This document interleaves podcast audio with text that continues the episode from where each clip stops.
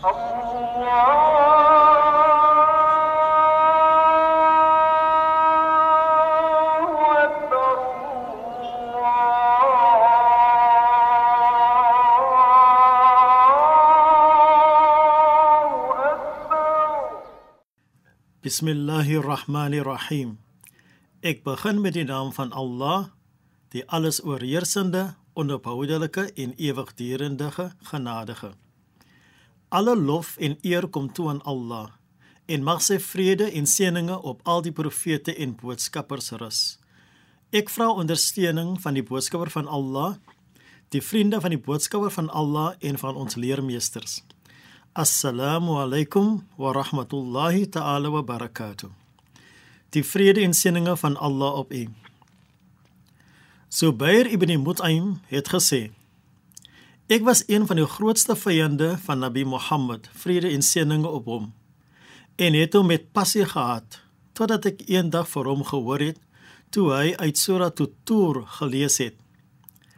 Was hulle geskape van absoluut niks nie? Of sê hulle dat hulle die skeppers is? Het hulle die hemele en die aarde geskape? Hulle het geen idee nie. Zubair sê: Ek het op daardie oomblik besef dat geloof in my hart ingekruip het. Indien ons regtig diep daaroor nadink, sal ons besef dat daar 'n skepper vir die geskaapte orde moet wees. Dit kon nie uit niks ontstaan het nie. En selfs vir diegene wat glo dat die skepper 'n deelgenoot gehad het in die skepping, sê Allah in Suratul Ahqaf sê vir diegene wat sê dat Allah 'n deelgenoot het. Wat het hulle van die aarde geskape? Bring enigiets wat bewys dat wat hulle sê waar is. Allah spreek hierdie dwaling van hierdie mense aan en sê dat Allah wat sê dat Allah 'n deelgenoot het en sê nie veel van diegene wat sê dat daar nie 'n skepper is nie. Ateïsme het nie gedurende die tyd van Jahiliya of die tyd van onkunde bestaan nie.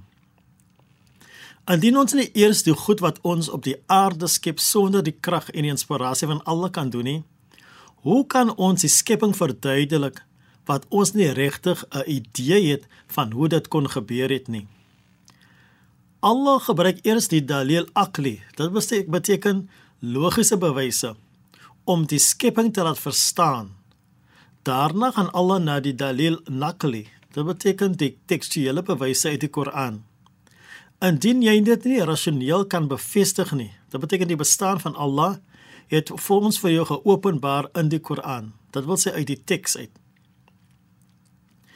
Imam Shafi kom met 'n vergelyking om die ontwerpdeel van die skepping te verstaan. 'n Ongelowige het vir hom gevra: "Hoe weet jy dat die skepping dat die skeppers bestaan?" Hy sê: "Ek lei dit af van die moerbyblaar." Hy vra: "Wat bedoel jy?" Imam Shafi sê toe: "Wel, die blare het dieselfde smaak, dit het dieselfde reuk en dit dieselfde vorm en so voorts." Maar wanneer die sywurm dit eet, word dit sy.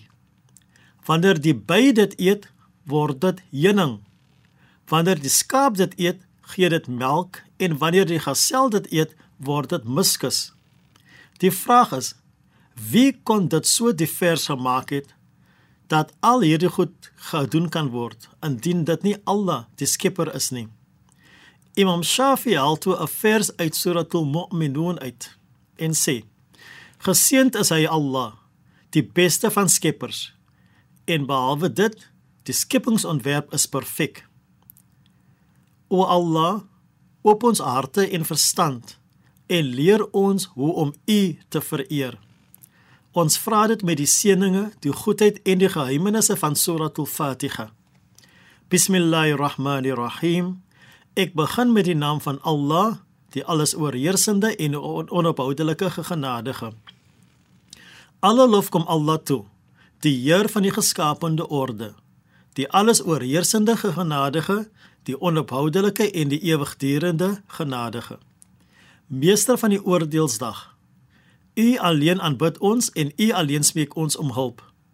Lei ons op die regte weg, Die weer van hulle wie u guns verdien, nie die weer van hulle op wie u toore neergedaal het nie, of die weg van hulle wat afgedwaal het nie. Walhamdulillahi rabbil alamin.